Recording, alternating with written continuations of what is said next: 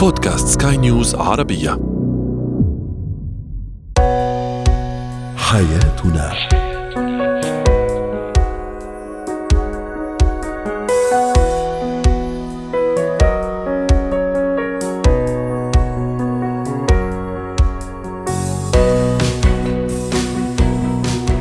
مستمعينا الكرام أهلا بكم معنا إلى حياتنا فضاؤكم اليومي الذي يعنى بشؤون الأسرة وباقي الشؤون الحياتية الأخرى والذي يمكنكم الاستماع اليه عبر منصة سكاي نيوز ارابيا dot com slash podcast وباقي منصات سكاي نيوز العربيه الاخرى شاركونا عبر رقم الواتساب 00 971 561 88 622 معي أنا أمال شاب. اليوم نتعرف على كل ما آه، يثير تساؤلات عند الأم حديثة العهد بالأمومة خاصة عن الاستحمام استحمام الرضيع وحديث الولادة. أيضا سنناقش موضوع زواج العازب من المطلقة والأرملة. لماذا يرفضه البعض؟ لماذا هو غير متقبل اجتماعيا ونفسيا عند البعض؟ وأخيرا اتيكيت التعامل مع أولياء الأمور أو بين أولياء الأمور والهيئة التدريسية والمعلمين. زينة متى يستحم الرضيع أو المولود الجديد؟ وما هو التوقيت؟ هل في توقيت مفضل أو معين؟ وأيضا ما هي الطرق أو ما الذي يجب أن أعرف أنا كأم حديثة العهد بالأمومة عن موضوع الاستحمام الرضيع أو طفلي الوليد الرضيع؟ رحبوا معي بدكتور سامح عبد العظيم اختصاصي طب الأطفال ضيفنا العزيز من أبو ظبي. يسعد أوقاتك يا دكتور سامح. أهلا وسهلا فيك. في البداية طفلي الرضيع آه، اللي عمره يوم يومين ثلاث أيام يعني حديث الولادة.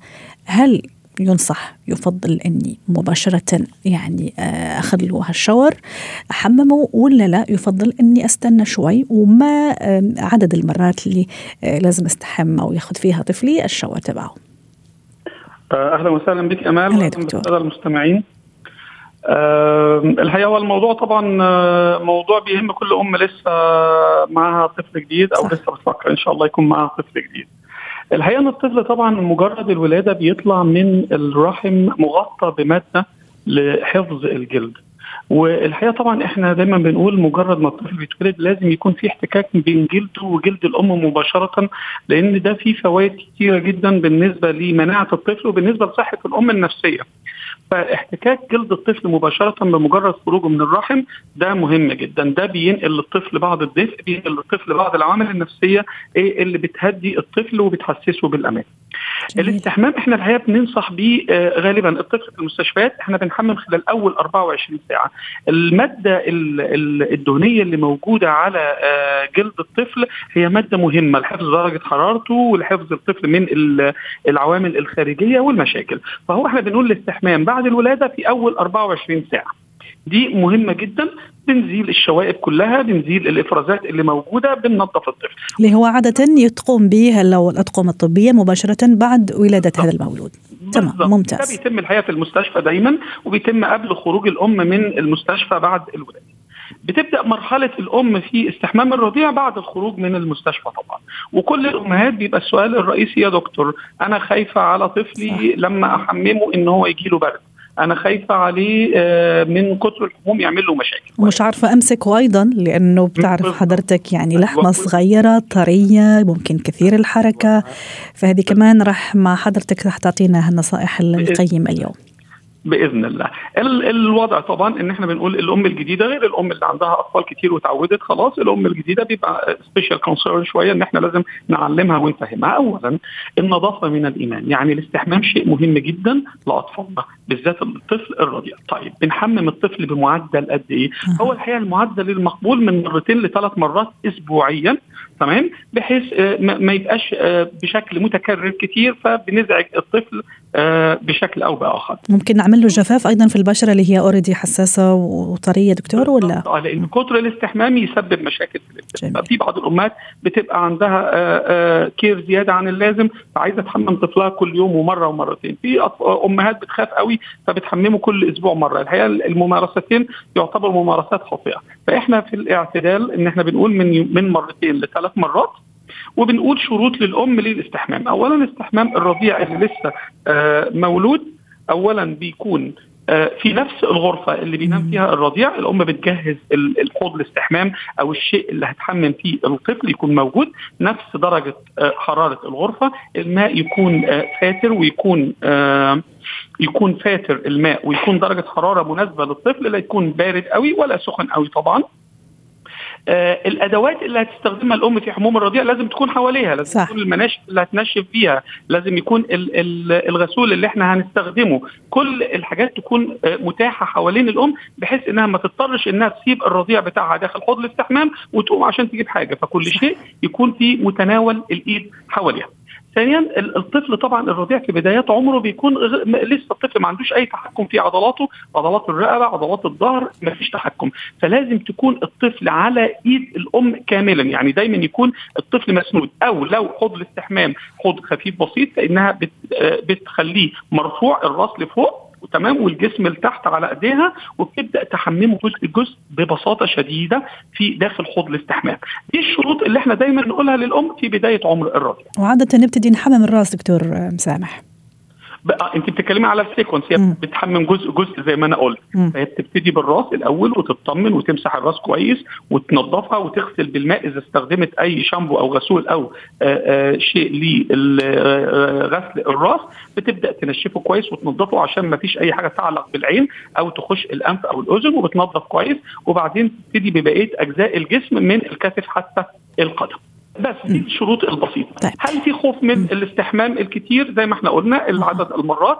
هل في مشاكل من الاستحمام مع جلد الطفل؟ أحيانا بعض الأطفال بيحصل جفاف في الجلد زي ما انت تفضلتي وقلتي ودي المشاكل اللي إحنا بنقابلها وعلى أساسها بيحدد الطبيب نوع الغسول أو الشامبو اللي هنستخدمه للطفل في بدايات عمره. جميل. دكتور سامح هل في مثلا توقيت معين يفضل إني أحمم فيه طفلي؟ مثلا خلينا نقول صباح فترة صباحية أول ما يصحى ممكن في فتره القيلولة أحممه زي ما تفضلت أنشفه وأدفيه وأخليه ياخذ القيلولة تبعه أو بالليل الليل قبل النوم ولا هذا يرجع يعني هو الأم حسب هي وقتها وكيف رضيعها أيضا يعني توقيت توقيت توقيتاته عفوا كيف ينام وكيف يصحى. مع العلم أنه أكثر وقته هو نايم الرضيع في, في الأشهر الأولى. بالضبط. هو الحقيقة طبعا إحنا ما بنفضلش نقول وقت معين لأن مم. كل ام على حسب. ظروف حياتها وظروف بيتها ولكن دايما بننصح إن الوقت اللي هنحمم فيه الرضيع الوقت اللي مش هيكون فيه خروج وحركة وناخد الطفل ونقعد بره فهو الوقت اللي هو قبل النوم عادة بيكون الأنسب لأن خلاص ما فيش خروج ما فيش حركة ما فيش تفاعل ما فيش تغيير في درجة الحرارة تمام؟ هو ده الوقت المناسب دايما. لكن لما بنقولش الصبح الصبح بتاخد الأم عاوزة تلعب بيه عاوزة تقعد مع أخواته عاوزة يكون معاه في المكان اللي هي بتمارس فيها نشاطها جوه البيت فالحقيقة مش مستحب عشان كده بنقول إن إحنا بنعمل الاستحمام في نفس الغرفة اللي الطفل فيها موجود فيها وما بنغيرهاش. يعني بيفضل في نفس درجة الحرارة عشان ما نغيرش درجة الحرارة وتأثر على الجهاز التنفسي عند الطفل. آخر شيء دكتور سامح قبل ما نودعك على خير اليوم ما فيش شاور بالنسبة للأم من غير زيوت عطرية جميلة؟ ال baby يعني بتحب يعني بتكون فيه أو كمان حتى عطور أكيد أكيد تتناسب مع عمره أكيد يعني هي مدروسة من نجيبها من صيدلي وبالاتفاق مع الدكتور. كيف الآلية خاصة في الأيام الأولى الأشهر الأولى. مسموح مثلا أحط له هالزيوت وهالعطور ولا ولا لا؟ هو الحقيقة دي الحاجات ال traditional والتقليدية والعادات المتوارثة اللي إحنا توارثناها. وكل مجتمع الحقيقة آمال بيختلف من المجتمع من مجتمع للمجتمع الثاني. فأنا الحقيقة لا لا أعارض الحاجات الموروثة ما دامت لا, لا تضر الطفل. ولكن بنلاحظ بس إحنا عندنا بعض الأطفال عندهم مشاكل عند الأسرة بيكون عندها تاريخ مرضي لحساسية الجلد ومشاكله والإكزيما والكلام ده وده منتشر جدا. فلازم الأم تراعي ده. اختيار الغسول اللي هي بتستخدمه اختيار الزيت اللي هي هتستخدمه لازم يكون مناسب لجلد طفلها. إذا لاحظت الأم بعد الاستخدام أي تغير في الجلد أو أي مشاكل حصلت لجلد الطفل لابد أن تتوقف تماما عن استخدام الكلام ده. ولكن زي ما إحنا قلنا هي عادات متوارثة وإذا لم تضر فما فيش منها أي مشاكل إن شاء الله. شكرا لك يا دكتور سامح عبد العظيم رائع ومبدع دائما في مداخلاتك وعلى كل هذه المعلومات خاصة للسيدات حديثات العهد بالأمومة وأتمنى لك يوم سعيد. هو وهي ومن السيدات حديثات العهد بالأمومة إلى سيدات خضن تجارب زواج سابقة. ومن هنا كان موضوعنا اليوم زواج العازب من المطلقة أو الأرملة. لماذا يرفضه البعض؟ لماذا ينظر إليه البعض؟ على أنه مرفوض نفسيا واجتماعيا. للحديث عن هذا الموضوع رحبوا معي بدكتور خليفة المحرزي رئيس المجلس الاستشاري الأسري ضيفنا العزيز من أبو ظبي. سعد أوقاتك دكتور خليفة. أهلا وسهلا فيك معنا اليوم. ما زال البعض ينظر إلى الزواج من أرملة أو مطلقة على من نظرة ضيقة. إذا صح التعبير. عند البعض طبعا ولا نعمم البعض يقول بأنه خلاص أخذت فرصتها في الزواج بل بالعكس هي لم تحافظ على بيت الزوجية في المرة الأولى وبالتالي فإن الزواج من المطلقة أو الأرملة ربما قد يضر بهذا الأعزاب ما رأيك؟ أغلب الممارسات الدائرة في مجتمعنا وخاصة في النسيج الاجتماعي هي عبارة عن تراكمات ذهنية وصور متبادلة بين جيل وجيل. ومن بين هذه الصور السلبية المشوهة النظر إلى المرأة المطلقة أو الأرملة بأنها لا تصلح لإعادة العلاقة الزوجية مرة أخرى خاصة إذا كان الطرف الآخر هو شخص عازب لم يسبق له الزواج. وهذا طبعا للأسف من الموروثات الاجتماعية السلبية الخاطئة التي ظلمت فيها المرأة ووضع لها إطار جدا مشوه فبالتالي عزف عنها كثير من الرجال وخاصة المصيبة من أين تأتي النظرة؟ لا تأتي من الرجال وإنما هي من النساء. ما هذا هي أحيانا فعلا المحيط الأسرة المجتمع هو الذي يؤثر آه، دكتور خليفة. ومن غير ما نعرف شو الأسباب اللي خلت مثلا هذه الزوجة أو هذه السيدة تتطلق. هلا تترمل الموضوع واضح وعارفين. لكن الطلاق ممكن قد يكون المشكل في الشريك أو في الزوج. عرفت كيف؟ في أسباب معينة. مو شرط هي تكون السبب أنه أدى لطلاقها دكتور خليفة. آه، دائما هناك إطار آه، سلبي آه، نسج حول المرأة المطلقة والأرملة لأنها سبب في فشل الزواج، لو كانت هذه الإنسانة ناجحة لما وصل إلى الطلاق طبعا وهم يلغ يعني يتغافلون عن مسألة مهمة قد تكون هي ضحية. وهذا اللي صاير أن أغلب حالات الطلاق في مجتمعنا ما في امرأة في العالم تريد الطلاق من بعد الزواج إلا وهي مضطرة. عندما تصل إلى مرحلة تسوء في العلاقة وتفقد فيها الأمان ولا تشعر بأي استقرار لا شك انها سوف تلجأ إلى الطلاق كخيار أخير بالنسبة لها. لا توجد هناك امرأة في العالم تخرج من بيت والدها لكي تحصل على وقت طلاقها وإن طبيعة المرأة السيكولوجية تبحث عن استقرار. الأمان والاستقرار.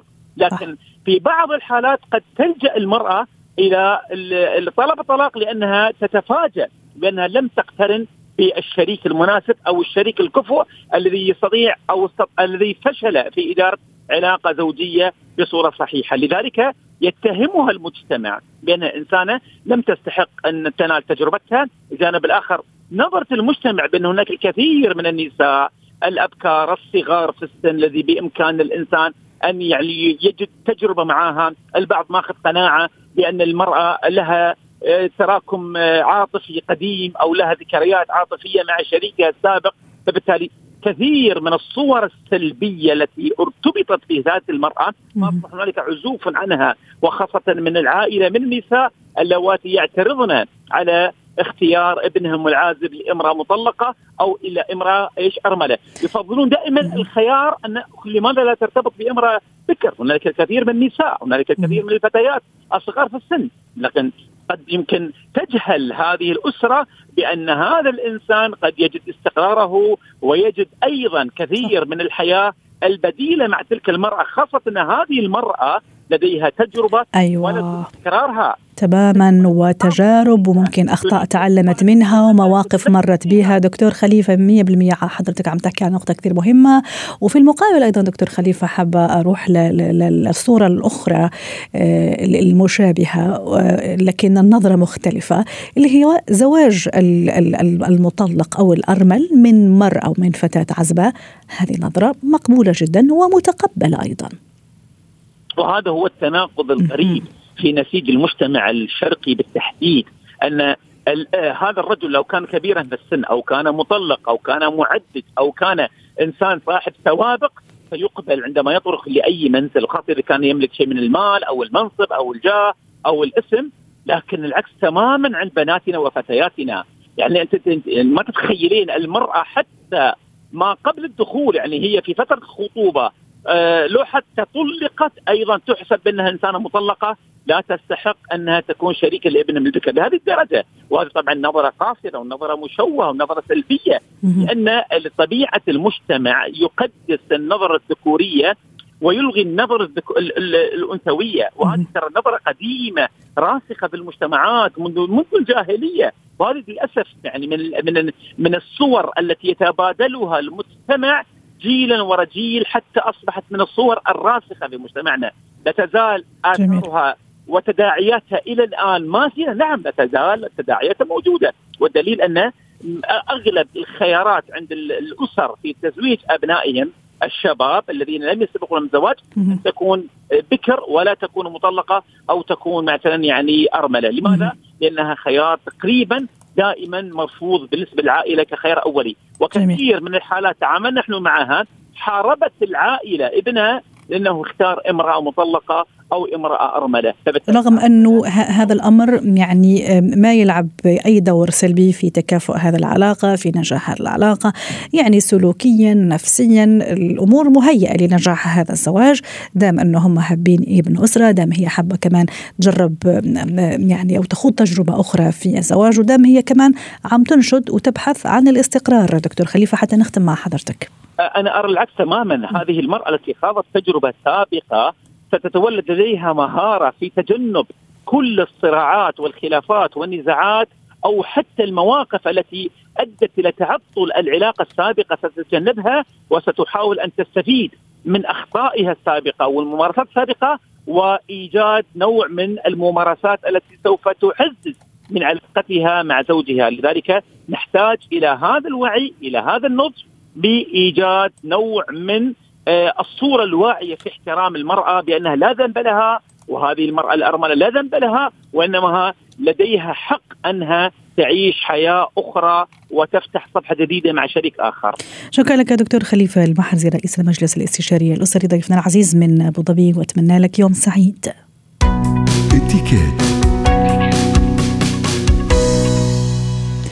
اليوم في اتيكيت نتحدث عن موضوع كثير مهم اللي هو اتيكيت اجتماعات أولياء الأمور مع المعلمين مع الهيئة التدريسية. أكيد المعلم له احترامه وتقديره وهيبته.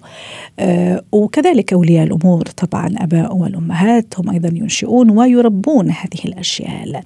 إذا التقى الجانبان في اجتماعات دورية ومتعارف عليها أحيانا مع نهاية كل فصل دراسي أحيانا أيضا مع نهاية السنة لا تقييم أيضا أداء الطفل أو ال ال ال ال الابن يعني والطالب. رحبوا معي بخبيرة الإتيكات ناتالي أندراوس ضيفتنا العزيزة من بيروت. يسعد أوقاتك يا ناتالي. أهلا وسهلا فيك اليوم في موضوع يجمع بين يعني الجانب التربوي وجانب الإتيكات. أنا اليوم عندي اجتماع كولية أمر مع الهيئة التدريسية مع مدرس أو مدرسة ابني آه، في اجتماع أولياء الأمور. آه، أكيد في اتكات وفي آه، ذوق. يجب أن يعني أقتدي به. قبل هذا كان سؤالنا التفاعلي أيضا. ما دور أولياء الأمور في تعزيز هيبة المعلم لدى الأبناء تعليق يقول يجب على الآباء اولا أن يحترموا المعلم وسيقتدي بهم الأبناء أيضا. تعليق يقول في فرق كبير بين نظرة أولياء الأمور للمعلم بين الماضي والحاضر. تعليق يقول المعلم فعلا له دور كبير جدا ويجب أن أحبب أطفالي في المعلم. نتالي إليك الكلمة كيف أتعامل وشو الاتيكيت اللي لازم أنا أقتدي به وأكون يعني به آه، في اجتماع أولياء الأمور، خلينا نقول مثلا أنا اليوم وليه أمر، أنا أب أو أم رايحة لهذا الاجتماع ثم على المعلم. يسعد اوقاتك امال النقاط اللي لازم ينتبهوا لها أولياء التلاميذ عندما بيروحوا بيكونوا عم بيجتمعوا مع الاساتذه بالمدرسة. آه، مثل ما ذكرت أول شيء احترام المعلم أو احترام الأستاذ آه، هي ضرورة جدا جدا جدا. لو يمكن أنه في بعض الأحيان بنعرف أنه هيدي بتحصل آه، إذا صار في يمكن سوء تفاهم بين التلميذ والأستاذ بيكونوا في أيام رايحين الأهل بمشاعر شوي مشحونين. مشحونين هون نحن ما نتوجه مع نقول لهم إنه شو ما يكون وصلكم لكم عن طريق ابنكم أي نوع رسالة المفروض أنتم ما تكون مركزة هذه الخبرية براسكم بتروحوا بذهن منفتح للاستماع إلى المعلم لأنه بالنتيجة في الفيرجن اللي هي من قبل الأستاذ غير من قبل الولد. فهون كثير ضروري انه أول شيء نروح بنفسية فيها احترام تجاه المعلم الأستاذ. هلأ النقاط اللي بدي أقول إنه نحن وقت بيكون في عنا اجتماع بالمدرسة بالأيام العادية وقت بتصير إنه نحن نكون داعيين المدرسة للاجتماع. كثير ضروري نوصل على الوقت المحددينه المدرسة ما نوصل مأخرين. إذا ما نوصل مأخرين إذا قادرين نعطي علم وخبر إنه نحن طرق علينا شيء أو في شيء كثير طارئ إنه نحن عم بياخرنا لازم نعطي علم وخبر ما آه، يعني نتجاهل الموضوع. لأنه بالنتيجة الأستاذ إنه هو حدد هذا الوقت إنه لحتى يستقبلنا. شغلة ثانية آه دائما استخدام الكلمات اللي, هي اللي بتعبر عن احترام تجاه الأستاذ إنه نوصل كثير ضروري نحن نعرف عن حالنا نحن أولياء أي تلميذ. و... وشكلنا ومنظرنا أيضا ناتالي كثير مهم. أنا لما أروح أقابل آه، شخص يعني أكيد منظري شكلي آه، طريقة لبسي هذا كثير مهم يدل على احترامي لنفسي اولا ثم لها الشخص اللي أنا رايحة لأقابله. بالتحديد مثل ما ذكرتي أمل دائما نحن بنركز إنه نحن آه، الانطباع الأول اللي بيلعب كثير دور وخلال أول 30 ثانية وقت تلتقي بالشخص حيلا مين ما كان بتقرر تحكم عليه إنه إذا أنت هذا الشخص إنه بيستحق الثقة أو بيستحق الاحترام إنه فكثير ضروري المظهر الخارجي نحن نكون رايحين بطريقة مرتبة لأنه كمان بيركز احترامك لنفسك هذه أول نقطة واحترامك للمدرسة للمعلم. آه شغلة ثانية هون كمان انت بتكوني عم تعكسي صورة عن الب... يعني هن عن البيت. الأساتذة نعم. صح. آه يعني بالنتيجة أنه وين هذا التلميذ عم بيكون موجود بأي أجواء بالبيت. فإذا رايحة بطريقة آه منا مرتبة رح ياخذوا فكرة أنه يعني الأهل لهذا التلميذ هن عم بيأثروا يمكن عليه إذا نتائجه منا منيحة. فالجديه بالمظهر كثير ضرورية.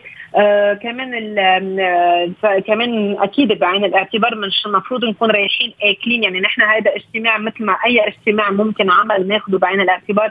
بدك تكوني أنه كمان إنه آه منك عم تصدر منك روايح آه منا حلوة.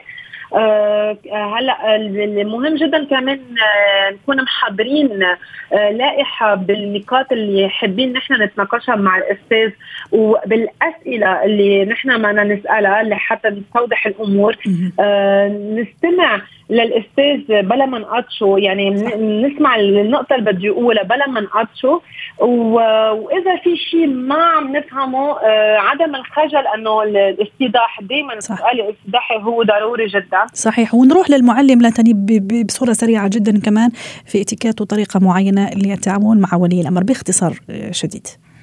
ما سمعتك أمل ما بالنسبة للمعلم أيضا في طريقة معينة للتعامل في هذا الاجتماع؟ نعم. باختصار. نعم. هو أكيد المفروض المفروض يكون منظم كمان النقاط اللي بده يتبحثها مع الأهل. كمان بده يكون هو يتحمل شوي في أيام يكون مثل بيقولوا آه صدره واسع. آه مش أقل كلمة يمكن تصدر من قبل الأهل انه ياخذها بطريقة شخصية. وأكيد تنظيم النقاط واللي ينحط آخر شيء إنه مثل آه plan plan إنه شو القصص المفروض ينشغل مع الأهل مع التلميذ ويرجع يتاخذ من بعدها feedback 100% 100% وكمان حتى نتأكد أنه هدفنا هو هذا الولد أو هذا الطالب. هذا نضع آه، نصب أعيننا يعني آه، أنه هذا الطالب يكون مرتاح. شكرا لك ناتالي أندراوس خبيره الاتيكيت ضيفتنا العزيزه من بيروت.